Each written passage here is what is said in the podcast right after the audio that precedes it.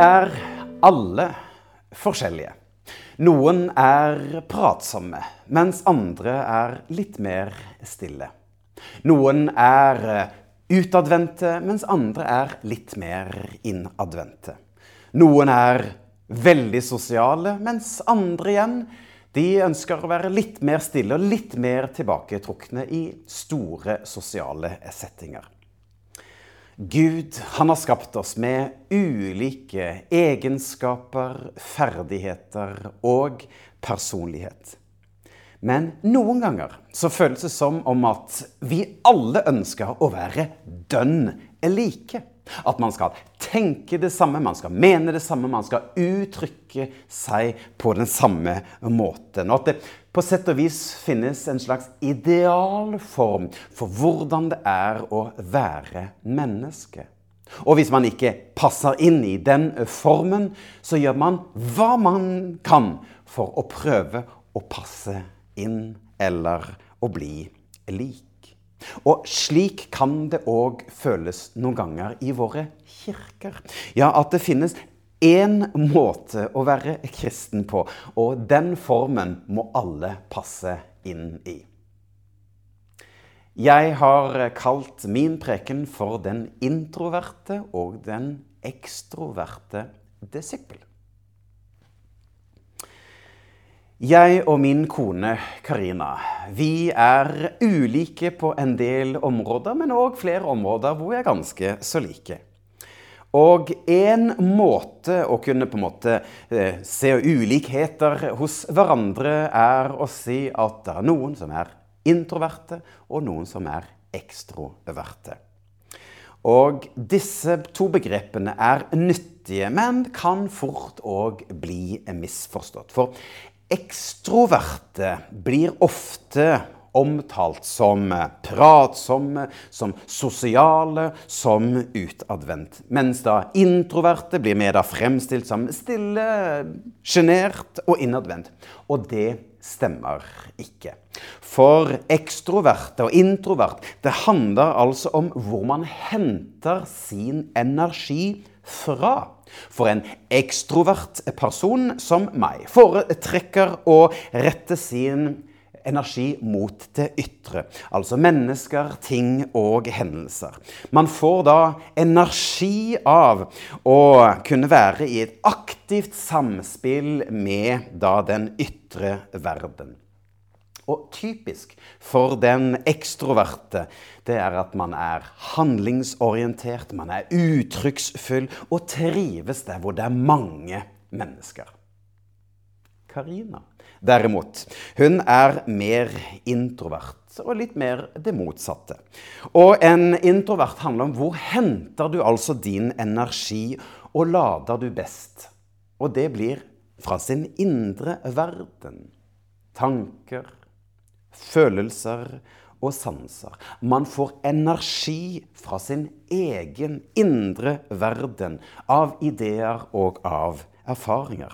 Og en typisk introvert er at man ofte ønsker å grunne på ting før man uttrykker seg. Man er mer reflektert gjerne og mer ettertenksom. Og de kan være litt mer reserverte i sin uttrykksform når de er sammen med store mengder mennesker hvor de ikke er trygge nok, eller føler seg da litt ukjent. De trives best i mindre grupper eller ved få nære mennesker. Og ingen av disse på denne skalaen fra ekstrovert til introvert er feil. For man kan være på ulike steder på denne skalaen. Det er bare at vi er forskjellige. Vi er skapt forskjellig, og vi foretrekker forskjellige ting.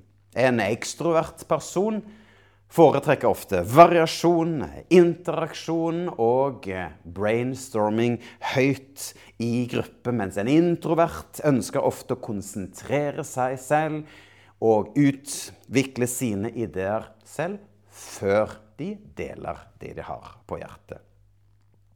Så hvordan ser da dette ut i en kirke? Jo, spiritualitet ser ofte ulikt, ulik ut hos Ekstroverte versus da introverte. Kristen spiritualitet det handler om hvordan man lever ut sin relasjon med Jesus. Og det er veldig lett for en ekstrovert kristen å tenke at den introverte har mer å gå på.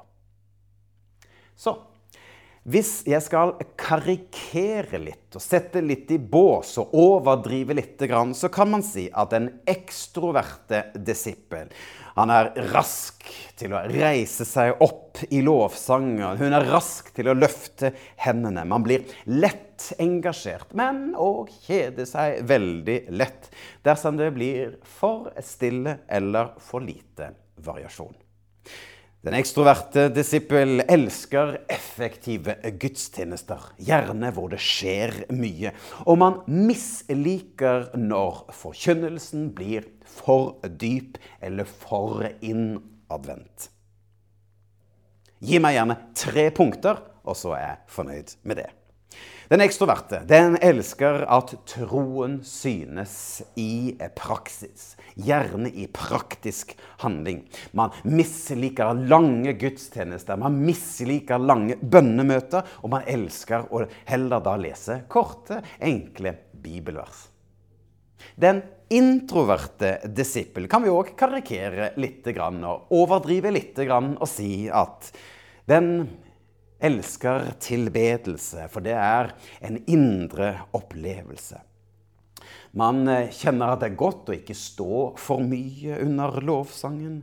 Man har ikke behov for å være så uttrykksfull når man er så mange samlet. Man nyter å lytte til veloverveid og grundig forkynnelse, og gjerne noe som berører meg emosjonelt. Man liker gjerne det forutsigbare og det man er vant til. Og troen handler ofte om hjertet og det å være til stede for den enkelte. Og man kjenner at det er godt å være nær Gud, gjerne alene eller bare med noen få. Og man kan kose seg med å sitte fortapt inn i lange bibeltekster. Som sagt, Eh, litt karikert, men her finnes det selvsagt ulike nyanser. Og det er litt overdrivelse, og vi er forskjellige. Men vi trenger å bli minnet på at vi er forskjellige. At vi opplever forskjellig. Vi foretrekker det forskjellige. Og denne ulikheten er skapt av Gud selv. For en hensikt. Og at vi ikke skal gå da i fellen med å tenke at alle tenker det samme som meg og foretrekker det samme som meg. Nei, vi må ha respekt for at vi tiltrekkes av ulike ting. Og det er jo veldig lett da å se for seg Peter som den ekstroverte disippel. Ja, han som er den framoverlente Disippelen som elsker handling, er offensiv, og han ønsker å uttrykke sin tro og sine følelser.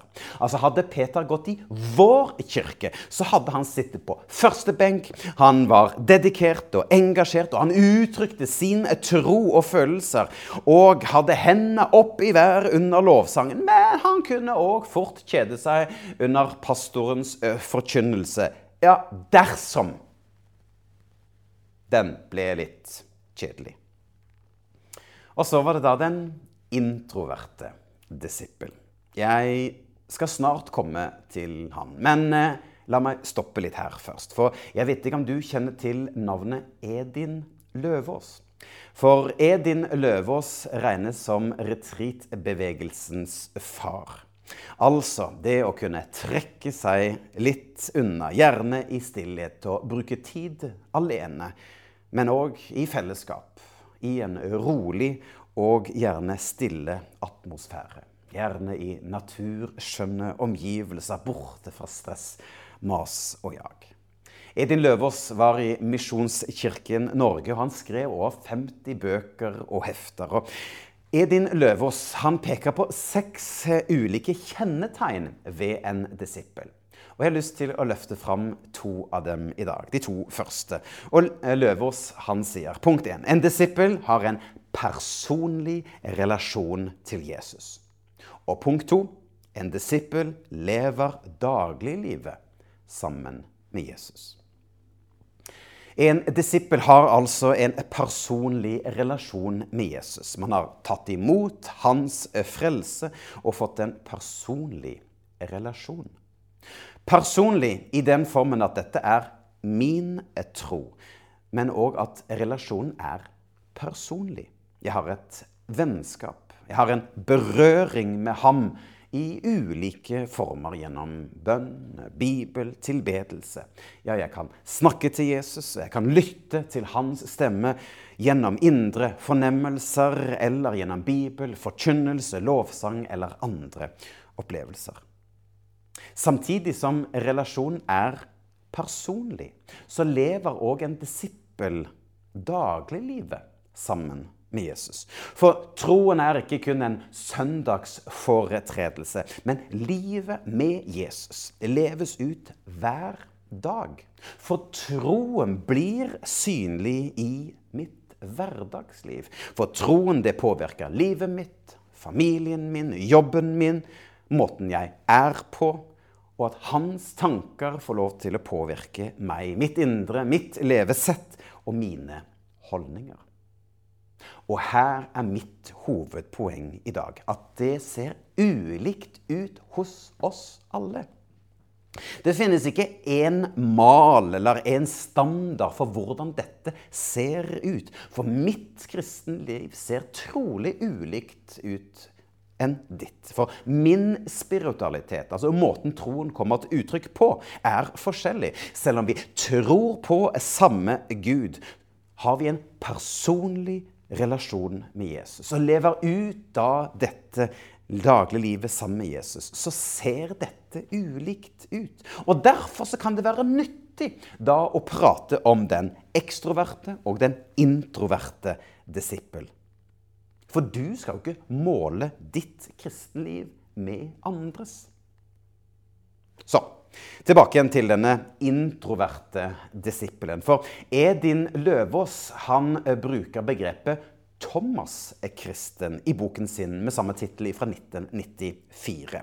Og eh, Løvaas han eh, skriver at disippelen Thomas var den i disippelflokken som hadde de samme utfordringer som mange oss i dag òg lever med. Han kjempet i dette grenselandet mellom tro og tvil. Han var spørrende, han var søkende, han var undrende. Og han tok ikke alt for god fisk.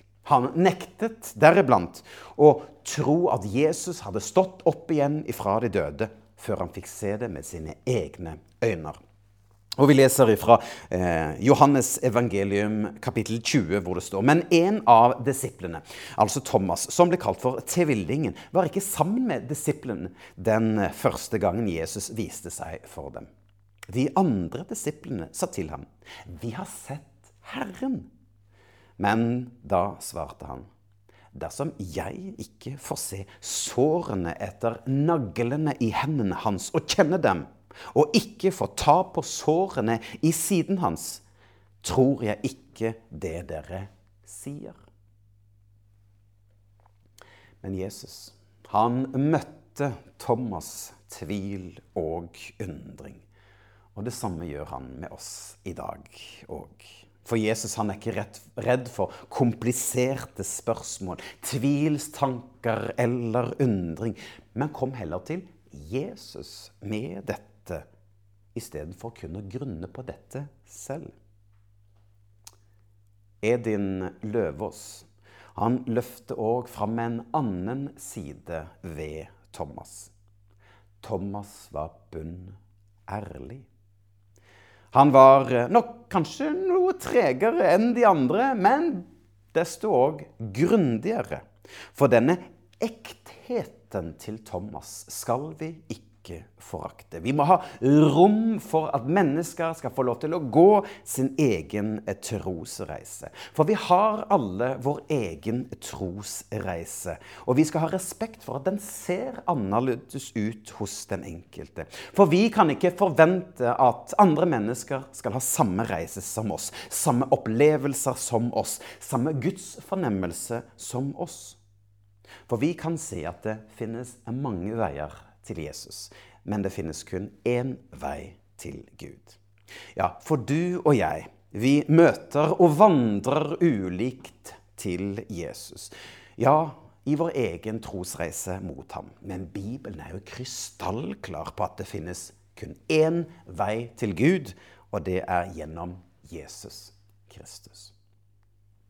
Og Thomas han blir jo ofte framstilt som tvileren Thomas. Men i Johannes evangelium så finner vi en Thomas som er en lojal disippel, som verken er redd for å kommentere eller stille spørsmål.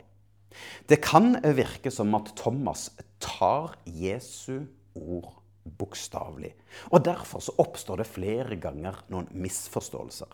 Og Thomas sitt spørsmål Han gjør jo at Jesus uttrykker et av de mest kjente bibelstedene, eller bibelordene, som Jesus selv sier. For Jesus han svarer Thomas sitt spørsmål med å fortelle sitt sjette 'jeg er'-utsagn. Og Jesus han sier 'jeg er veien, sannheten og livet'. Ingen kommer til far uten ved meg. Og kontrasten blir jo da stor mellom den framoverlente og frimodige Peter og den litt tvilende og undrende Thomas.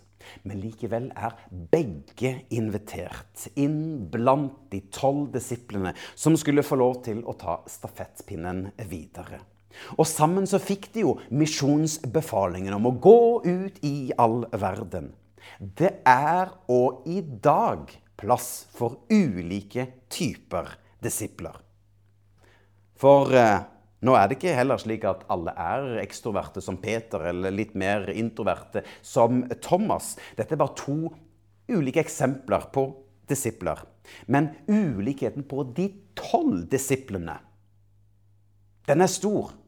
Men det gir òg håp for at vi kan leve ut vår personlige tro i dagliglivet på den måten som kjennes riktig for meg og deg. At vår måte å være på, vår personlighet, ja, den har en ulik måte å uttrykkes på. Og at vi har en personlig relasjon med Jesus som leves ut i hverdagslivet, der både Bibel, bønn, tilbedelse, kirke og tro kan komme til uttrykk på en naturlig måte.